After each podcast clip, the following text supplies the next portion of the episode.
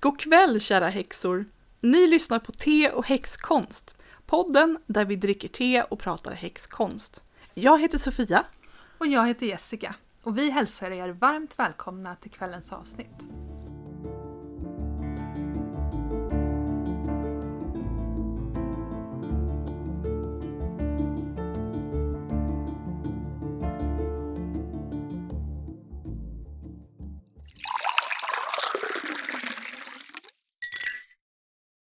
Hej Sofia! Vad Hej! dricker du för te? Jag dricker kaffe. Ja, Jaha, jag ser ju inte dig idag heller. Så- Nej. Okej, ja. Ja, nej, sorry. Eh, men jag kan ju, det är... eh, nu vet jag inte vad det heter, men det är en mellanrost i alla fall. Okej. Ja. Det säger ju inte mig någonting eftersom jag aldrig dricker kaffe. Så jag... Mm. Kaffe, kaffe luktar kaffe. Mm. Jag har en örtbrygd idag med ingefära och ljung. Har jag i. Mm. Mm. Du kommer inte somna här mitt i inspelningen. Nej, eh, nej, men, nej, jag blir inte så trött utav ljung. Eh, Mm. Men lite lugnande tycker jag att det är. Och så tycker jag att det, det smakar väldigt gott också. Ja, Tycker jag. Mm. därför jag har nämligen provat att göra eh, te på ljung. Mm. Eh, jag plockade, det var någon höst i september när jag plockade blommorna. Mm. Eh, och jag tyckte det var väldigt effektivt som eh, avslappnande och för att man, så, att som, man somnar. Ja. Men Det- blev det- inte du bara väldigt, väldigt fnittrig? Ja! man blir så lite lullig faktiskt. Ja, nej, men jag gillar det jättemycket. Jag ska plocka mycket mer. Eh, jag plockade inte så mycket i nu förra sensommaren. Mm. Men nu ska jag plocka lite mer faktiskt. Jag har Mm. ordentligt ljung. Det är så fint också. Ja, det är fint. Mm. Mm. Ja, vad har du haft för dig på sista tiden då? Eh, jo, men jag, har, jag tittade på ett jättespännande föredrag. Mm. Det var jag och min, eh, min kille. Det var han som Mm. hade fått reda på det. Ehm, och det var med en eh, gammal häxa som heter Dolores Ashcroft Nowicki. Mhm. Eh, hon är en sån gammal, hon var med och mm, hade en eh, magiskola som hette Servants of the Light. Eh, för ganska länge sedan, alltså hon är i 90-årsåldern nu. Okej. Eh, och hon har varit häxa jättelänge och hon är väldigt så här åt det ockulta hållet. Mm. Och hon, alltså föredraget hette The Elements Within. ehm, Elementen inom dig. Eh, och först så tyckte jag så här, ja men ja det låter ju intressant. Så här, liksom, ja, mm. Men alltså hon hade ju så mycket bra saker att säga, herregud. Ja. Eh, hon pratade om så här att eh, varje liten eh, molekyl och partikel i allting har ett sorts medvetande. Inte liksom ett medvetande som vårat men ändå något sorts medvetande. Mm. Eh, och hon pratade om att hon under en eh, ritual när hon var lite yngre eh, var så kissnödig att hon till slut bara började prata med vattnets element och bara snälla, inte just nu. Åh, vad häftigt. Och hon fick kontakt. Ja. Och så här slutade vara kissnödig och liksom kunde göra färdigt ritualen. Ja, Mm. Ja, det var... vad häftigt. Vad... Ja. Jag kan definitivt rekommendera att man ger sig ut på internet och googlar lite på henne. Mm. Eh, och kanske kollar upp hennes böcker eller se om man kan hitta någonting för hon, hon verkade verkligen superduktig. Verkligen. Mm. Mm. Och hon hade en väldigt bra vinkel på det här med att, ehm, eh, vad säger man på svenska? När man tackar, tackar för maten innan man äter. Mm. En sån här liten matbön. Mm. Jag har alltid varit så här lite emot det för jag bara Ja men jag tänker inte tacka gud för att han har satt maten på mitt bord för det är jag som har satt maten på mitt bord. Mm. Men hon var mera så här att man, man tackar elementet jord för att man har mat på bordet att äta. För mat är ju också liksom från elementet jord. Mm. Och det tyckte jag var lite fint. Ja, men det låter jättefint. Och inte så liksom nödvändigtvis att man tackar utan mer så här liksom Jag är tacksam för att jag har lite mat på bordet att äta. just det. Ja. Mm. Eh, och hon pratade även om ehm, elementens väktare. Mm. Eh, för det är tydligen någon, eh, jag vet inte om det är specifikt eh, någonting som man lär sig inom hennes tradition men de fyra väktarna har liksom namn och är, Mm. är liksom speciella, var, inte varelser men ehm, andar. Mm. Och det tyckte jag var lite intressant. Det låter jätteintressant. Ja, Det påminner ju lite om vad vi pratade om förra, förra gången med eh, väktare, änglar och tornväktare. Och, ja. Ja men jag, jag vände mig direkt till min kille efteråt och bara Vad är det för skillnad på elementens väktare och ärkeänglarna? Ja. och vad sa han då? då? Olika nivåer. Okej, ja. Att liksom elementens väktare är väldigt jordliga väsen, alltså nära eh, vår värld. ja. Medan änglarna är liksom längre upp, eller längre ifrån, på en högre nivå. Ja. Ja. Mm. Ja, för alla som inte vet vem Sofias kille är så är ju vi sådana sjuka noviser i jämförelse med Han kan så himla mycket. Ja, men sen har han liksom hållit på sedan han var typ tonåring också och det är ju Mm. liksom hur länge har han hållit på? 40 år. Mm. Ja. Och har en boksamling som heter duga och har varit Ah, med i så här gud. alla organisationer och magiskolor som det finns och någonsin har funnits verkar det som. Mm. Ja, så han, han får vara uppslag, uppslagsverk på vissa områden. Absolut. Mm. Nej, men jag tyckte också att liksom, hon hade flera poänger liksom om att hur liksom, elementen verkligen är en del av en själv och ens vardag. Liksom allt från luften som vi behöver för att kunna prata och sjunga och värmen inom oss och vattnet. Vi, men, vi består ju av liksom, vadå, 60% vatten eller något sånt där. Mm. Eh, så att det liksom verkligen är vi är verkligen en del av elementen. Mm. Och jag blev väldigt inspirerad faktiskt. Så, mm. Mm. Mm. Eh, har du gjort något häxigt som förra gången? Ja men massor. Eh, förra gången vi pratade då hade jag nästan inte gjort något häxigt alls. Men nu har jag gjort ehm, Men dels så bestämde jag mig för att göra en, en ritual. Mm. Eh, och, och sen kom jag på att den här ska jag göra nio dagar i rad. Så nio Oh. dagar i rad gjorde, jag samma ritual. Eh, för någonting som var ganska eh, Kanske framförallt för att eh, praktisera. Mm. Eh, så att syftet var inte så himla viktigt.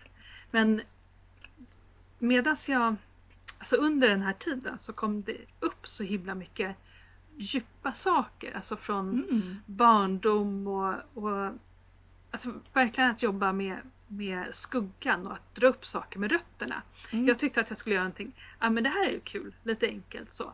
Eh, och så kom jag liksom många nivåer ner under det där. Så det var så otroligt givande verkligen. Wow. Eh, och sen gjorde jag en, alltså sen har jag gjort liksom ganska, ja, på fullmånen så gjorde jag en ritual och den var jättekraftfull. Och även så var jag med på, eh, ja men, eh, bard, nej, druidutbildningen som jag går på. Mm. Order of Bards, Druids and, nej, Owaits and Druids. De hade en sån här livesändning med Beltane-ceremoni. Och det var också jättehäftigt, väldigt kraftfullt. Det är ju så kul att man kan göra det via nätet och bara Jag bara satte på den och lyssnade liksom och gick ändå in i någonting Mm. eh, jättefint. Mm. Så att, och så har jag gjort massor med andra grejer också, massa häxigt pyssel och ehm, försökte tappa sav. Berättade Mm. jag det? Du sa att du skulle prova. Ja, ja men det gick ju inte särskilt bra alls. Vi fick ihop ungefär en liter. Eh, och då Och det är ju jättemycket. Ja, det är mycket. Men en liter sav, jag vill göra sirap nämligen. Mm. En liter sav ger en, en centiliter sirap. Aha, oj. Så jag reducerade den lite grann och sen frös jag in den så tänkte jag att jag kan använda de Mm. isbitarna lite ceremoniellt. Mm. Jag vet inte hur häxigt, men det är lite häxigt. Ja. Är det det? Mm. Ehm, det har varit en väldigt häxig period för mig. ja, vad roligt. Jag tror att bli, jag blir väldigt inspirerad också av våren som är på väg att liksom pressa fram, komma fram på träden och blommorna och löven och känner den här ja, den energin, den kraften. Mm. Mm. Och jag måste berätta en sak till. Jag gör det. Eh, vid fullmånen här nu. Var det förra veckan eller något sånt där? Ja. Eh, fullmånen i slutet av april i alla fall. Eh, så gjorde jag en guidad meditation som eh, Cindy Brannan hade lagt upp eh, på sin sida.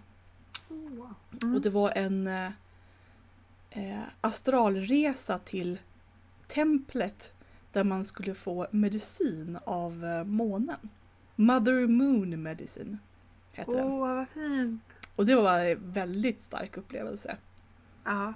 Och det var så mysigt också för jag, jag låg i sängen och så hade jag använt mitt nya lilla sovrumsaltare. Så jag hade så här tänt ett ljus och så hade jag bränt lite enträ och så här re, renat sängen och utrymmet där jag Ja. låg. ja. Så det var, det var fantastiskt. Åh, vad fint. Den borde Mm. man ju kunna göra i efterhand. Säkert. Absolut. Ja, det här Ja. var ju, jag gjorde ju, de de hade ju gjort en liveinspelning helt enkelt. Ja, ja. En, en ritual eh, med hennes lilla online coven. Eh, men jag lyssnade ju på inspelningen. Mm. Eh, så om man följer henne på Twitter eller Facebook eller hennes hemsida så har hon ju länkar till sin Soundcloud där hon har flera sådana här guidade med- meditationer. Men alltså hon har ju en podd också som, Ja, eh, som finns på andra ställen också. ja, hon- hennes podd finns ju på Spotify. Och den heter Keep, Keeping Her Keys. Ja, Eller hur? Så det, Mm. det går ju att hitta. Ja, vad fint. Min ingång till häxkonst var egentligen Ouija board. Mhm, Ehm, då hade jag en kompis som hade en kompis som vi kallade för Magibjörn. mm, Eh, och, och det var första gången jag träffade någon som faktiskt pratade om att eh, det här kan vara på, på riktigt. mm. Och han hade ett överblivet Ouija som vi fick. Ah, Eh, så där satt vi på, på kvällarna och långt in på nätterna. mm. Eh, och eh, runt det här Ouija- Ouija-bordet. Ouijat. Och hade jätteroligt.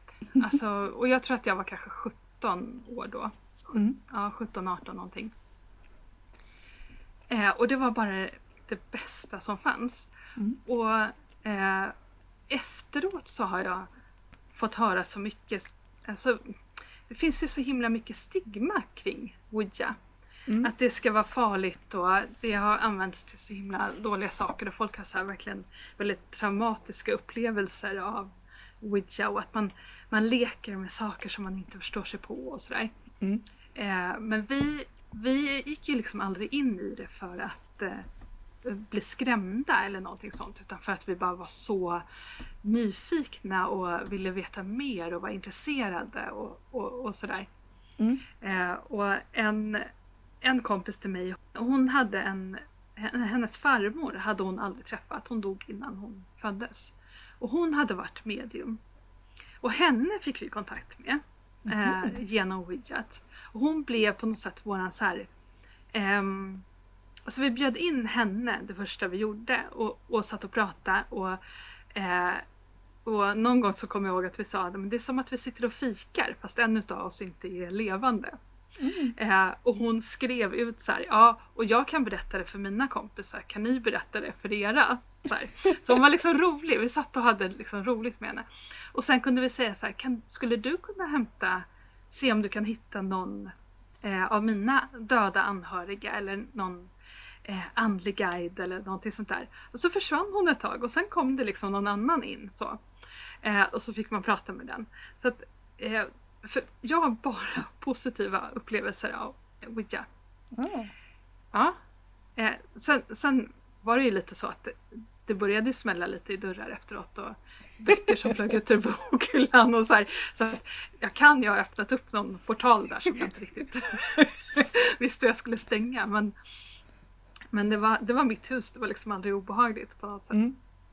Ja, så det var min första. Vilken var din liksom, ingång till häxkonsten? Alltså det är svårt att säga något specifikt för jag måste ju ha varit intresserad av det innan jag började titta på Buffy.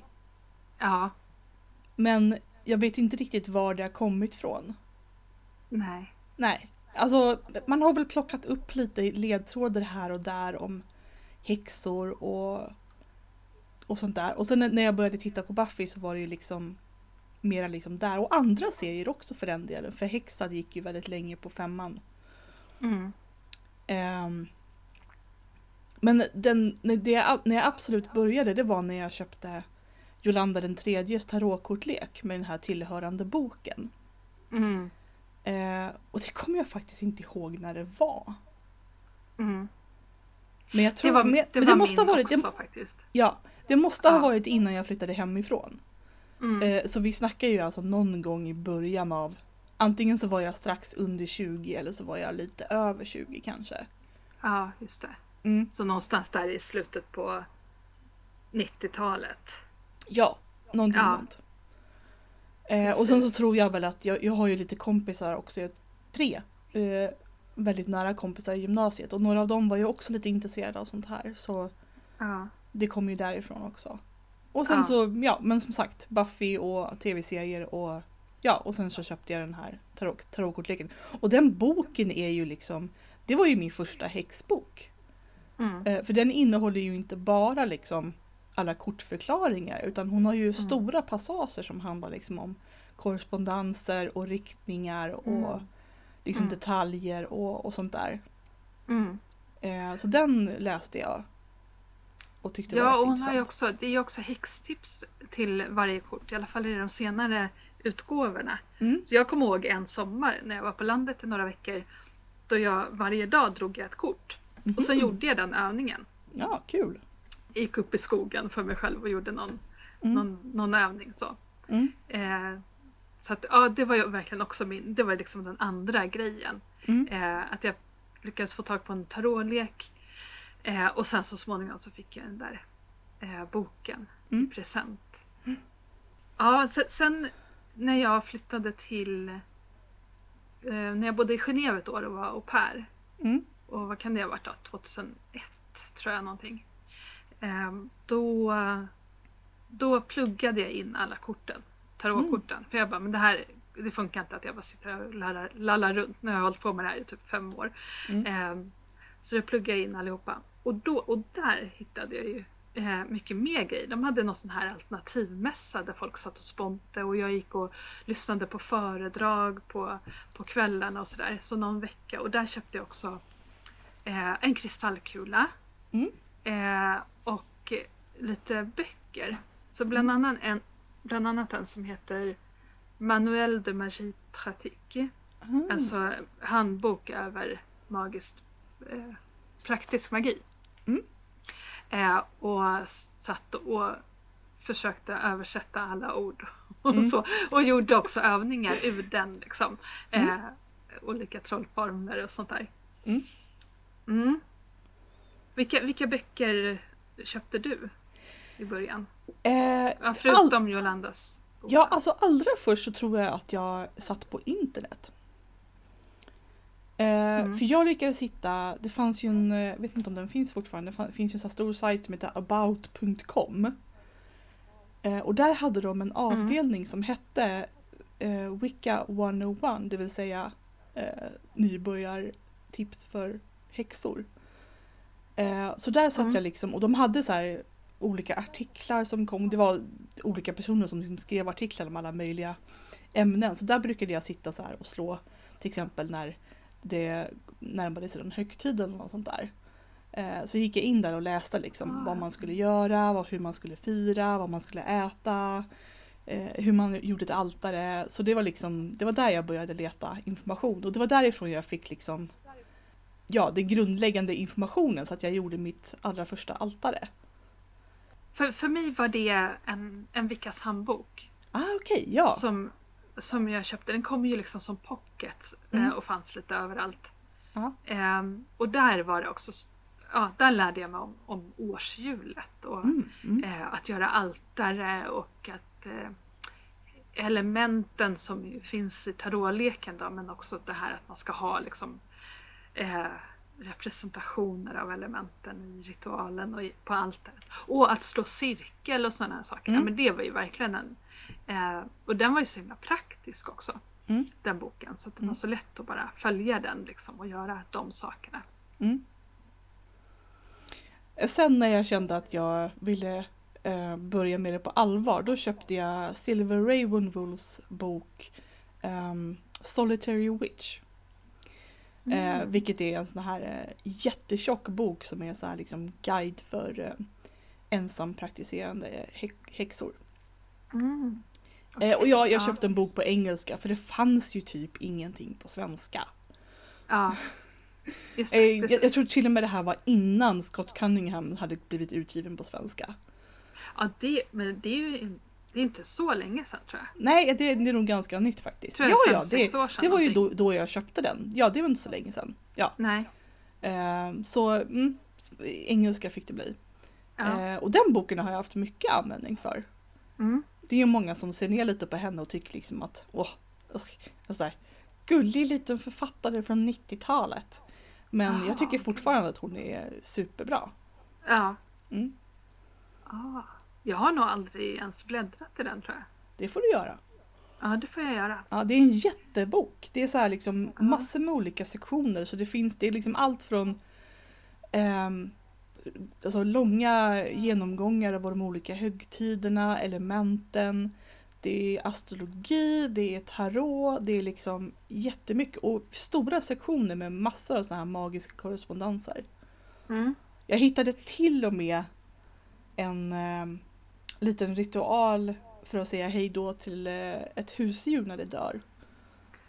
Ja, Ja. just det. Och det var ju när jag gjorde min allra första ritual. Det var när min katt hade dött. Ja, just det. Eh, och det var 2010. Mm. Så eh, förra året faktiskt kom jag på att men shit, jag har hållit på i 10 år. Ja, vad fint.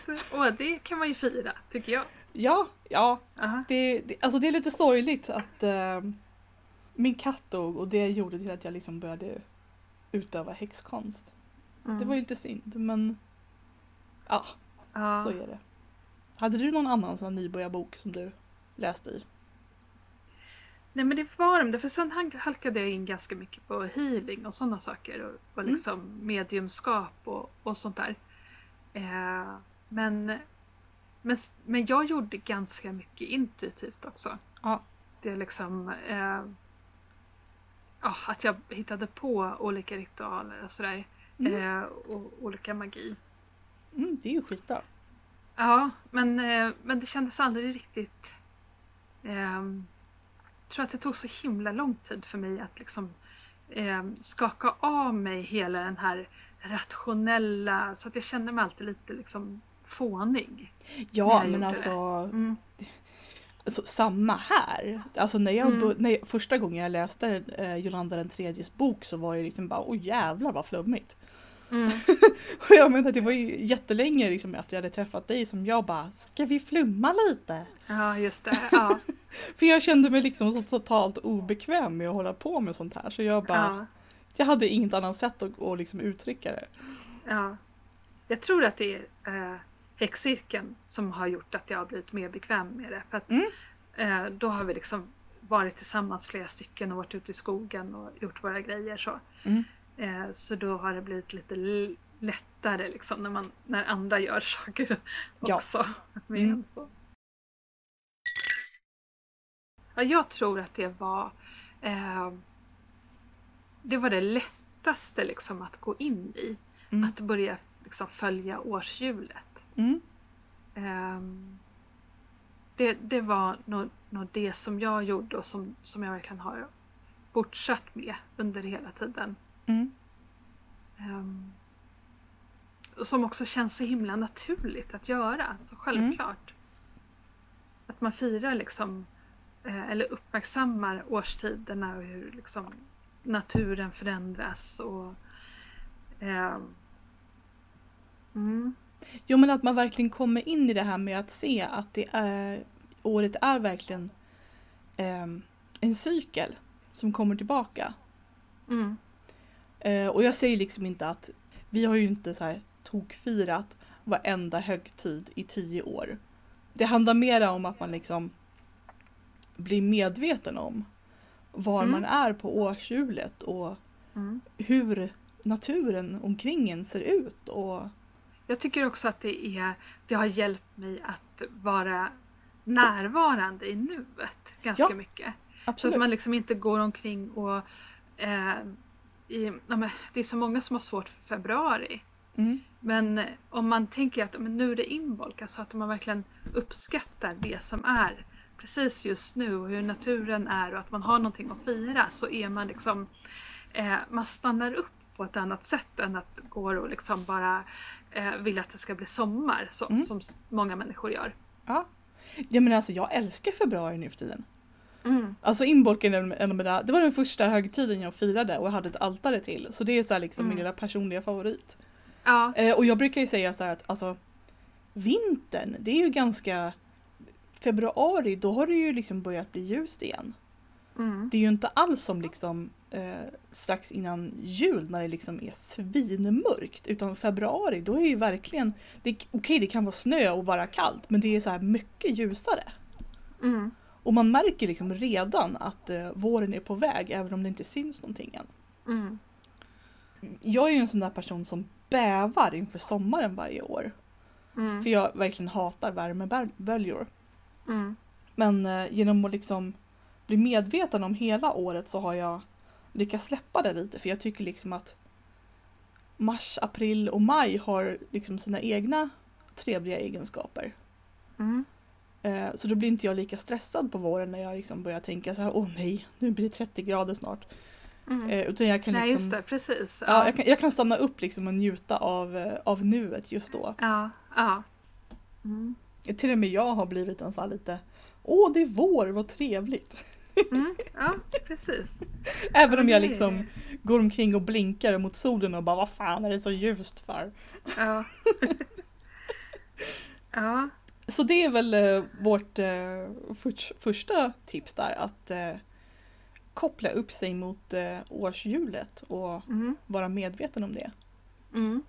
Just det, och, och under många år så var mitt altare liksom det sättet jag uppmärksammade årshjulet också. Mm. Att jag ändrade om altaret på, oftast, ja, från början så gjorde jag det liksom på den dagen.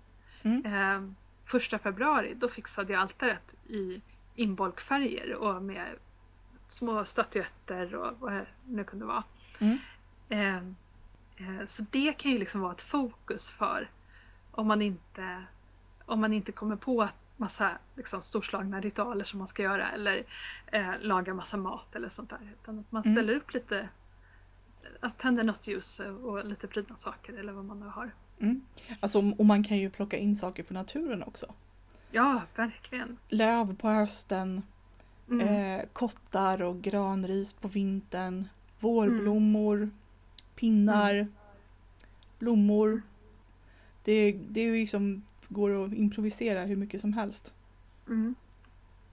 Sen månen, eh, om man tar den, den cykeln Ja, precis. så, så har det nog, alltså månen har nog varit viktig i mitt liv eh, alltid. Så länge Mm. jag kan minnas så har det varit liksom en närvaro där. Mm. Mm. Ja, men jag kommer ihåg att även när jag var väldigt liten så tyckte jag att när det väl liksom började närma sig fullmåne och det hade varit mulet väldigt länge och sen helt plötsligt en kväll så är det klart och månljuset bara strålar. Mm. Då kände jag alltid någon sorts koppling. Det var som om månen liksom lyste ända in i hjärtat på mig. Mm. Jag tyckte det var så härligt. Mm. Mm. Ja, vad fint. Ja, jag kunde också känna liksom att allting stannade upp på något sätt Ja. med månen. Mm. Eller känner det fortfarande. Mm. Så det kan man ju göra också och då finns det ju liksom regler för hur man ska må under månvarvet. och att saker ska växa när månen växer och det ska avta när den avtar och sånt där. Men, eh, och mörkermåne och fullmåne och just det, man ska blöda på, full, på mörkermånen och man ska ha ägglossning på fullmånen. ja, det har jag aldrig Ja. lyckats med. Nej. Kanske, kanske någon gång men... Precis, eh, någon gång då bara yes, nu! Och sen bara nej, okej. Nej, eh, men så att, och det där gör man ju precis som man vill. Mm. Eh, jag har känt de senaste åren att eh, eh, att jag känner av att solen och månen är på olika håll när det är fullmåne. Och att Mm. jag dras lite, alltså att allting ställs på sin spets för att jag liksom dras åt olika håll. Aha. Och att när det är mörkermåne eh, så blir jag lugn. Så. Det, men det är ju det som är grejen att man, det, här handlar det också om medvetenhet. Ja, Att liksom, var, var, liksom så här, stanna upp och liksom lägga märke till att ah, nu är månen så här, hur mår jag idag? precis. Ja. Och, eller nu är det en fullmåne, hur mår jag idag? Eller, ja. Mm. Mm. Mm. Sen är det ju lite sorgligt med Sverige för vi ser ju månen så himla sällan. ja. Eh, så att, eh, men nu sist det var fullmåne så var det faktiskt ganska klart. ja, det var jättefint. Där Mm. jag bor i alla fall. Mm. Så då kunde man ju se det lite grann. Mm. Alltså, apropå regler, den, den, den första liksom allra största nybörjarregeln som jag skulle vilja eh, säga liksom att det finns inga regler, det är mera som guidelines. Ja, ja, visst. ja men gud, så är det ju verkligen. Eh, så är det ju verkligen. Men jag tänker om man är nybörjarhäxa så kan det vara skönt att ha lite regler, eller? Jo, men alltså när jag började så var jag ju liksom ehm, snarare vikan. Ja, Ja, och jag liksom den här boken liksom ehm, Solitary Witch den handlade ju liksom om, det, hon är ju liksom vikan författaren. Så det var ju Mm. väldigt mycket så här regler och så här ska man göra och, och så här och det hållet och det hållet och det här betyder det här och det här betyder det här och ja. mm. Men det, det är ganska skönt i början kanske att eh, ha Mm. sånt att, att relatera till. Men Mm. det är inget som man liksom absolut måste, Nej. måste följa. Nej, och sen finns det ju säkert de som har jättelätt att lita på sin intuition. Mm. Det har jag verkligen aldrig haft. Mm. Eh, och då är det ju mycket lättare att bara, "Ah, ja men nu ska jag göra det här och det här. Mm. Eh, på mitt sätt liksom så. Mm. För, för sen är jag så också. Det är ju alltid så här att jag läser regler och sen bara, ja sen måste jag göra om allting lite grann. typ som att så här, eh, till eh, Ja men du vet den här väntstaken som Ja. är istället för adventsljusstake. Jag bara nej jag ska ha fem ljus. jag måste göra på mitt sätt. Alltså Så, men, personligen eh, så tycker jag att fem ljus är mera häxigt än sex ljus. Mm. Det är det ju.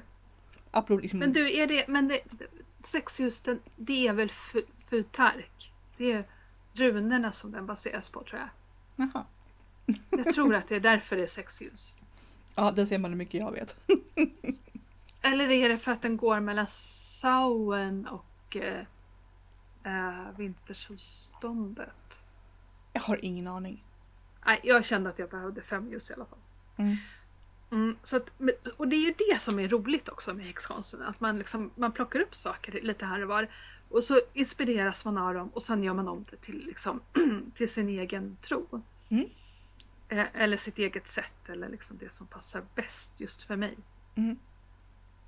Det tror jag är jätteviktigt.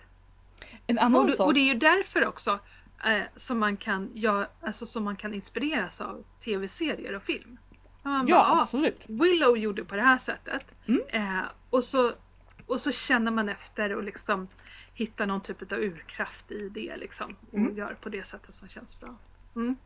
En annan bra sak som man kan bli medveten om är elementen. Ja. Jord, luft, eld och vatten. Ja, det har vi ju redan pratat om lite men ja, jag tänkte så här. Har vi inte pratat om det? Jo, det gjorde vi i inledningen.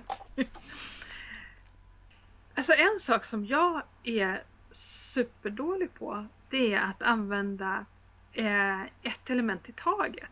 mhm. För, för jag har alltid lite slentrianmässigt kallat in alla fyra eller fem elementen eh, i en ritual. så. Men Mm. egentligen, rimligtvis så borde man ju mer använda elementen eh, men till exempel om jag ska göra en, eh, vill ha mer pengar till exempel, Mhm. göra sån magi. Då borde jag kalla in jordens element bara. Mm. Nu vill jag att jorden ska hjälpa mig här med att få liksom, mer pengar. Mm. Brukar du göra så? Nej. Alltså jag tror att ehm, oftast, alltså jag jobbar inte så mycket med, med elementen förutom att jag så lite slentrianmässigt kallar in dem när jag gör en cirkel. Mm. Och det är klart att man kan jobba mer med elementen, absolut. Det var ju Mm. lite som eh, hon pratade om på det där föredraget jag tittade på. Mm. Däremot så, eh, jag brukar ju gå ut i skogen här där jag bor och det finns en liten bäck. Eh, och jag Mm. älskar att sitta där vid bäcken eh, och lyssna på pålandet. Mm. Och förra gången jag var där till exempel så tog jag en pinne och så rensade jag bäcken lite också för att det skulle rinna lite bättre. Eh, och det kändes som att den blev lite glad.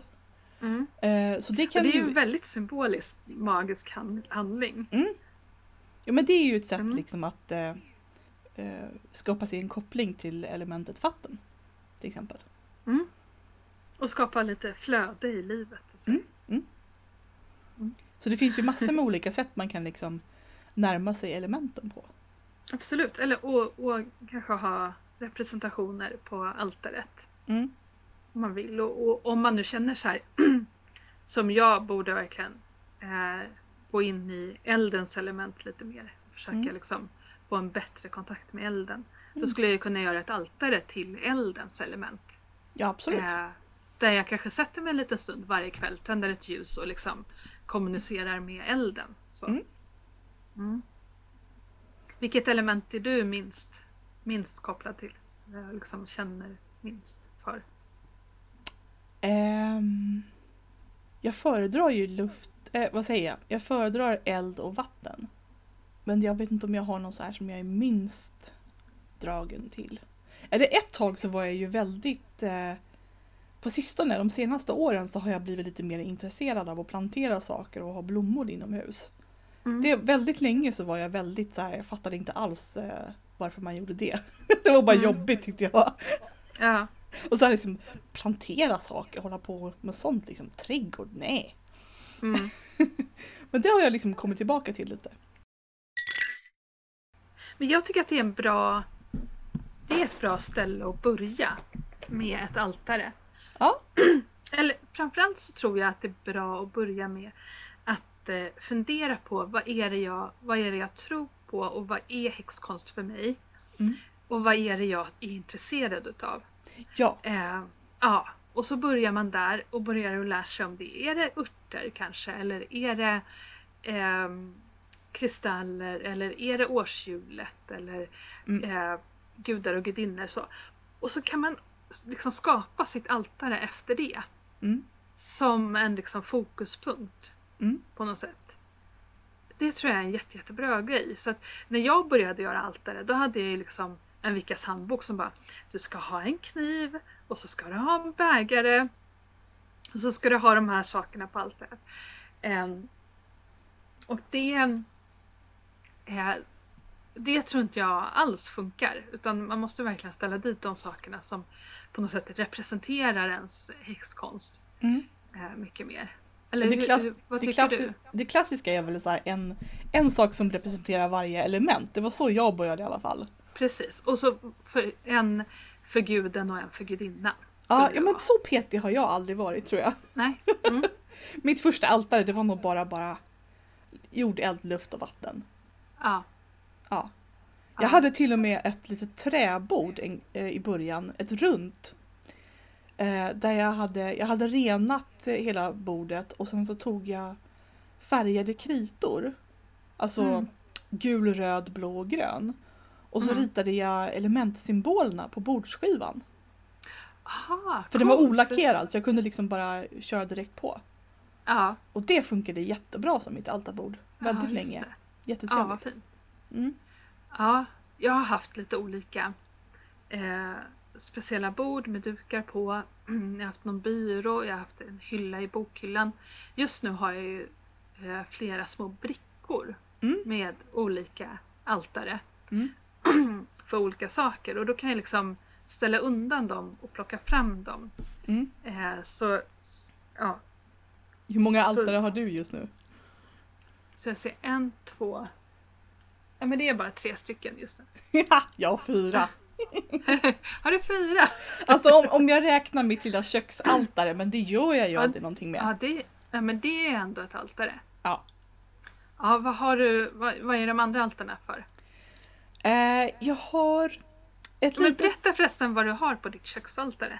Jo, men det är superenkelt. Det är en, em, en liten ljusplatta i keramik och så har jag ställt upp eh, en grej för varje element då. Så det är en liten änglastaty, eh, ett lju, en ljusstake och en skål och en sten. Eh, och sen så har jag som sagt ett nytt litet altare i sovrummet som är så här. Eh, det är ett litet altare till Hekate. Och så är Mm. det typ en ljusstake och en bit enträ som jag kan tända eld på, en bild på Hekate och en uggla. Mm. Och det är liksom bara så att jag ska kunna... Det, och en rökelsehållare. Mm. Det är ju mest så att jag ska kunna liksom ha en liten meditationsritual om kvällarna eller på morgnarna. Mm.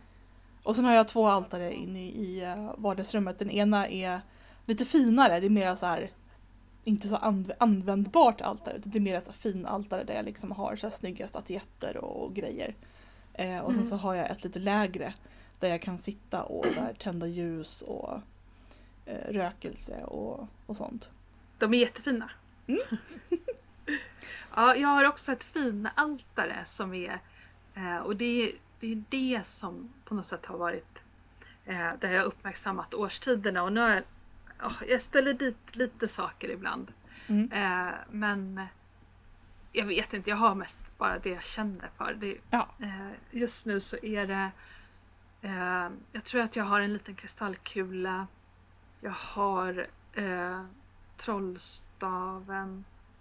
Eh, eh, och, och så har jag små stat- häxstatyetter som jag Mm. visade för dig förut. Jag har Ja. gjort små eh, häxstatyetter i eh, lera.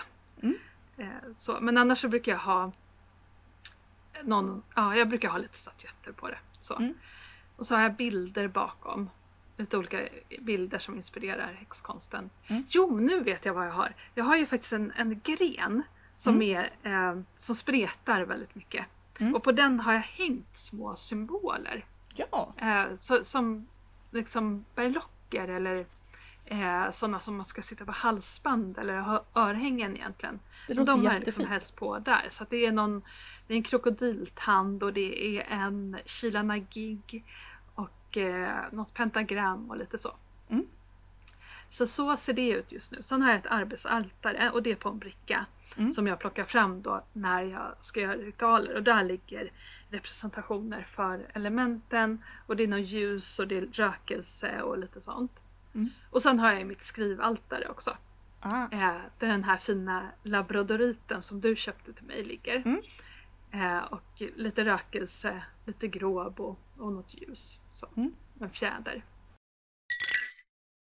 Vad säger du om eh, gudar och gudinnor Jessica? Ska man eh, börja med det? Från, på en gång?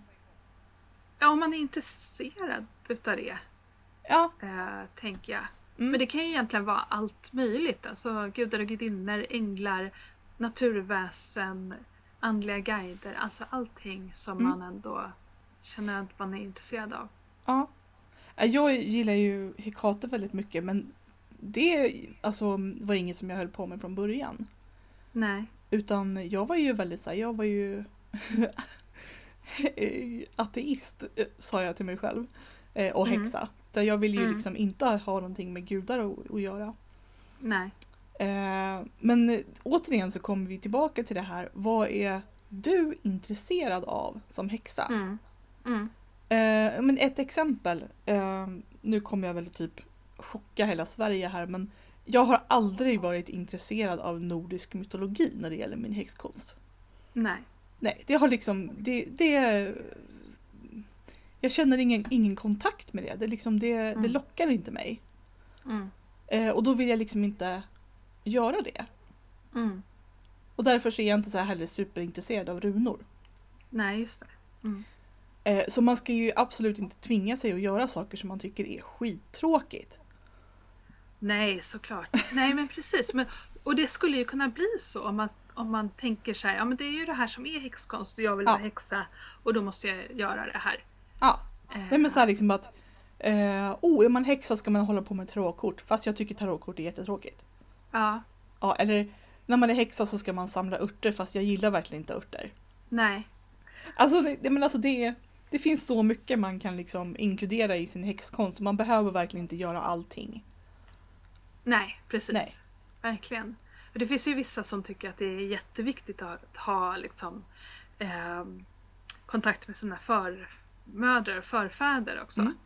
Eh, och liksom döda anhöriga och sådär. Och det är eh, och jag tror att det är kanske framförallt södra USA så är ju det en jätte, jätteviktig liksom, komponent Mm. i de traditionerna. Mm. Eh, Medan jag känner inte, eh, alltså jag kan ha kontakt med jag kan gå till min mormors grav och tycka att det är värdefullt men det har ingenting med min häxkonst att göra. Det Mm. blir bara jätteskevt och konstigt. Liksom. Mm. Så. Mm. Nej, så man ska verkligen låta sig guidas av vad, vad man själv tycker är intressant. Och liksom, man kan ju hitta nya saker också. Jag tycker man ska följa magkänslan. Ja, om, man liksom, om, man, om man läser om någonting och tycker liksom att eh, men det, här, det här verkar Ja. intressant. Visst, då ska Ja. man ju hålla på med det. Men ja. jag tycker inte man ska tvinga sig att göra saker som man inte är intresserad av. Nej, verkligen. Vi är alla Jag, olika. är, jag är, har ju alltid liksom varit intresserad av naturväsen. Mm. Eh, eller helt enkelt tomtar och troll och älvor och sånt. Mm. Eh, och och det, har, det är inte så vanligt att man eh, lägger in det i, i häxkonst. Eller tro, jag tror inte det. Eh, min upplevelse är inte att det är så många som gör det. Men, men eh, så gör jag. Mm. Det är jätteviktigt för mig. Men också så här att eh, ja, men det är lite som jag pratade om förra gången. Att man, eh, det kan vara svårt när man börjar liksom att, att köra på, på sin egen mag, magkänsla och intuition. Men att det liksom inte finns några rätta svar eller några perfekta liksom. Så här gör man för att vara häxa. Utan man ska inte vara rädd att göra på sitt eget sätt.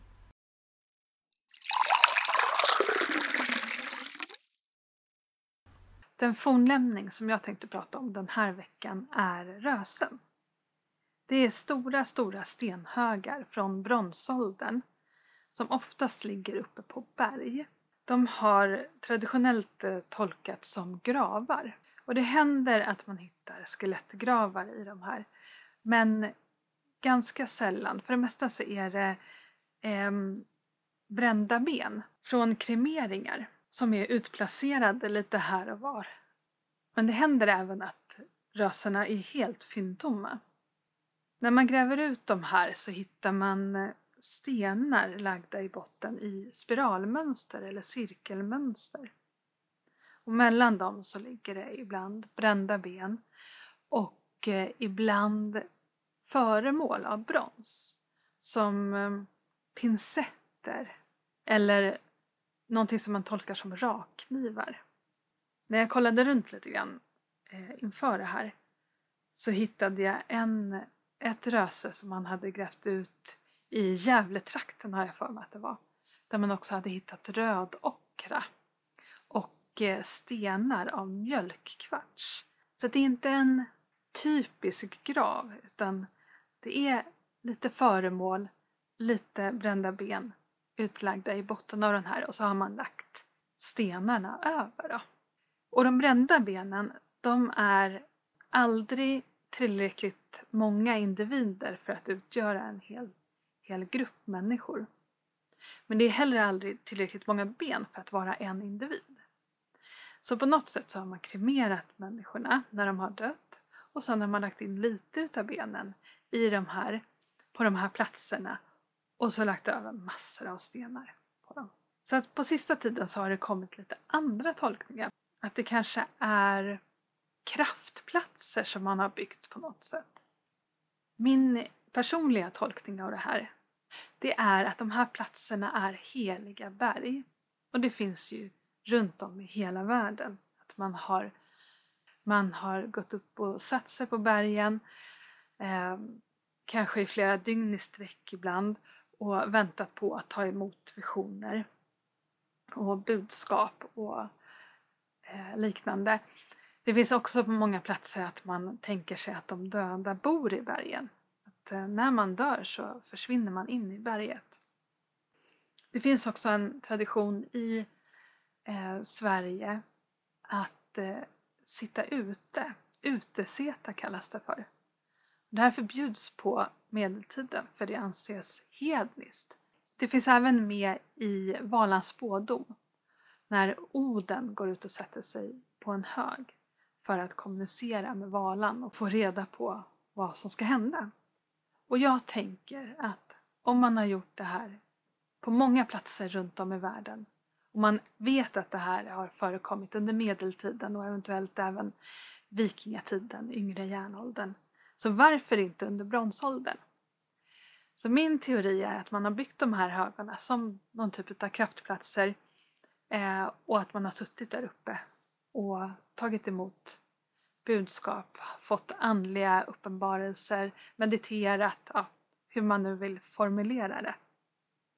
Som arkeolog så kan jag ju absolut inte rekommendera någon att klättra på fornlämningarna. Men om man skulle få för sig att göra det så kan man ju sitta där och tänka sig att här har människor suttit kanske under årtusenden. Det finns i närheten där jag bor så finns det en stensättning. Det är som ett litet röse. Det här är platt och ganska brett. Och när jag sitter på den stensättningen då känner jag att det är som en, eh, som en portal till underjorden. En öppning rakt ner i underjorden. Och så tänker jag mig att rösena är också. Ja, det var avsnittets fornlämning.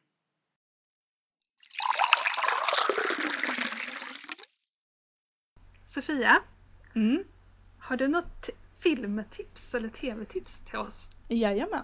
Vi tänkte nämligen börja ett lite nytt inslag här där eh, jag tipsar om eh, eh, film, tv eller bok om häxor. Och mitt första tips är filmen The Witch, A New England Folk Tale som kom för några år sedan. Den handlar om en eh, familj puritaner i eh, USA på 1600-talet som eh, lämnar staden där de bor i och ger sig ut i vildmarken för att bygga sin egen gård. De har flera barn och vi följer speciellt den äldsta dottern. Men det går inte så bra för dem där ute i skogen. De drabbas av missväxt och deras yngsta barn försvinner spårlöst. När den kom den här filmen så var jag lite tveksam för jag, jag såg en trailer och tyckte att det här såg ju väldigt stereotypiskt ut. Liksom eh, en svart get och en liksom väldigt religiösa personer och det verkade väldigt så här, verkligen stereotypiskt häxigt. Eh, vilket också är meningen att det ska vara. För filmen är skriven baserad på alltså riktiga vittnesmål om vad häxor, vad folk trodde att häxor höll på med på 1600-talet. Eh, så det är därför den vid första blicken liksom verkar vara lite stereotypisk. Men jag tycker ändå att det här är en otroligt fascinerande film. Med ett otroligt bra slut. Så jag, jag, kan verkligen rekommendera den här filmen. Den heter alltså The Witch. Jag kan också rekommendera den. Jag tyckte den var, var jättebra och jag går och tänker på den ibland. Eh, Mm. Ja. Och, och just att man märker det där att den är baserad på eh, rättegångsprotokollen och att det, är som att de eh, hur skulle det se ut om det här faktiskt var hade varit på riktigt. Mm. Mm. Och sen så kan man ju också göra en eh, feministisk analys. Och det har Mm, jag faktiskt ja, läst eh, flera uppsatser om. För man, förutom att det här med det religiösa och, eh, och det, häxhotet ute i skogen så man, man ser också liksom hur det här med häxhotet liksom samman, det, spe, det spelar samman med eh, liksom uppfattningen om kvinnor och kvinnorollen och vad som är farligt och vad som är säkert och vad som är vilt. Mm. Eh, Så det är, det är en väldigt fascinerande film tycker jag. Har du några häxtips Jessica?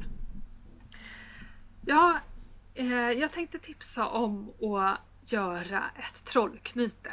För det Mm. känns som att det är det absolut enklaste om man vill eh, om man vill prova på att göra lite häxkonst eller lite Mm. trolldom. Mm. Eh, och då tar man ett eh, tygstycke, en tygruta på en gånger en decimeter typ. Eh, man kan, om man vill, välja färg lite grann. Vad, vad, om man vill ha, dra till sig kärlek kanske man väljer rött eller rosa. Om man vill dra till sig pengar kanske man väljer grönt. Ja, lite fundera på. Eh, men annars så går det ju också bra med vilken färg som helst. Och sen lägger man in saker i det här knutet som representerar det som man vill dra till sig. Eh, man ska gärna lägga ner någon, en liten del utav sig själv som man kan lägga ett hårstrå i. Man kan spotta i det. Det, är ju, eh, eh, var ju framförallt väldigt vanligt förr i tiden tror jag. Eller lägga en liten nagel eller någonting sånt i mm. det. Och sen eh, knyter man ihop det då eh, med ett band, ett snöre. Och så kan man lägga undan det här. Jag läste i någon bok att man ska liksom glömma bort sin magi. Man ska lägga undan den och glömma bort den. Eh, och sen har jag hört en annan version där man ska verkligen vårda den. Eh, så att man ska liksom ta hand om den och man kanske så här, eh, sprutar lite eterisk olja på den och, så här, och ha den typ i väskan. Um, och, och, jag tänker att man ska göra lite antingen eller. Så man liksom göm, antingen gömmer man den någonstans. Eller så liksom tar man hand om den som att det är ett litet levande väsen. Så. Mm. Eh, men man följer såklart alltid sin intuition. Och det man kan lägga i är ju olika örter eller stenar eller eh, man kan lägga här malet ägg, äggskal eller små eh, symboler av olika slag. Man kan också lägga i en, en lapp där man skriver sin önskan tydligt på så tillsammans med någon ört eller någonting sånt där. Jag tänker att det där med hur man behandlar den kan bero på lite vad man använder den till.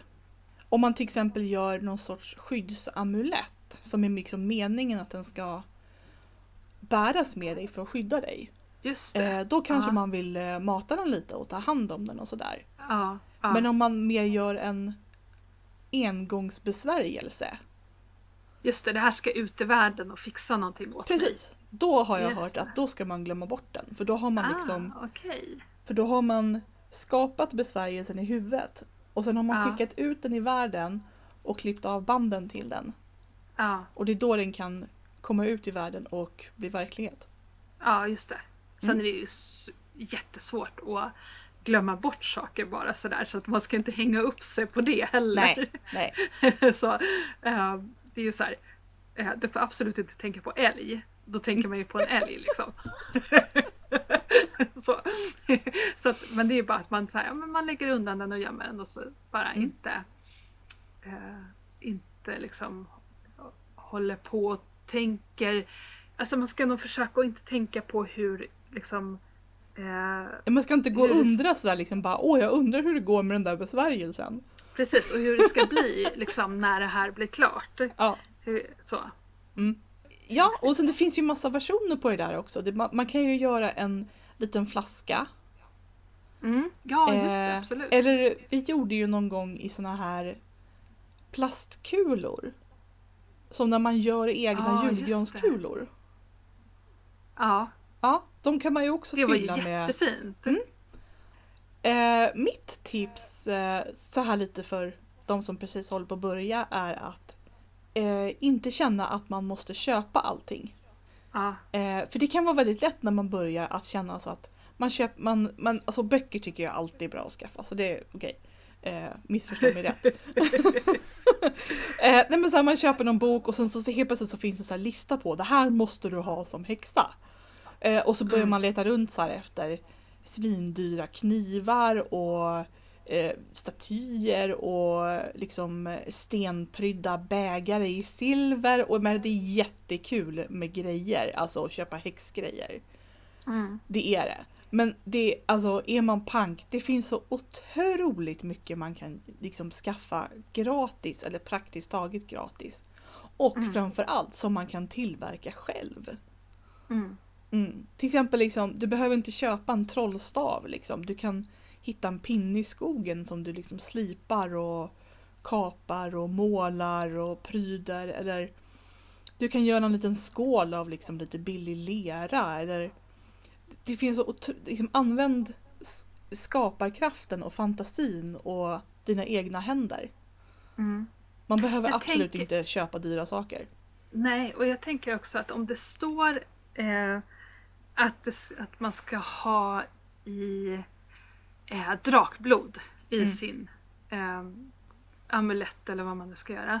Mm. Så, och så har man inte drakblod, ja men det går att hitta andra saker. Alltså man Ja. kan, eh, då kan man liksom hitta på, men jag har lite, eh, nu kommer jag inte på något bra då.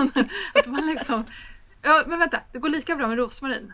Så Ja, är det. Precis. Inom ja. häxkonsten, det går alltid lika bra med rosmarin. Ja. Och berg, bergskristall. bergskristall. De Ja, två grejerna är, så här, det är substitut för allt. och vita ljus. Och vita ljus. Ja, precis. så jag menar liksom står det någonstans i någon ritual eller besvärjelse så här, ja men du ska ha orangea ljus eller gröna eller violetta. Eh, Mm. Jag, alltså, jag läste en sak en gång som jag tyckte var skitsmart. Det var någon som sa så här att ja men tror ni verkligen att folk hade violetta, gröna och orangea ljus förr i tiden? Ja, ja. Nej, Nej, de hade precis. vita ljus. Om ni vill berätta hur ni gjorde när ni började och om ni har några bra tips på nybörjarmagi så får ni jättegärna höra av er. Och vi har ju en fantastisk grupp på Facebook som heter Fika med te och häxkonst. Och gå gärna in och gå med i den för vi har redan fått jätteintressanta diskussioner där. Så kan vi prata om, om avsnitt, avsnittet och man kan få berätta sin historia och sådär. Eh, annars kan man nå oss på vår hemsida teochhackskonst.wordpress.com Hackskonst med A. Eller mejla oss på teohackskonst gmail.com. Och så finns vi på Instagram och, och har en Facebook-sida också. Ja, det var allt för den här gången. Vi är tillbaka om tre veckor.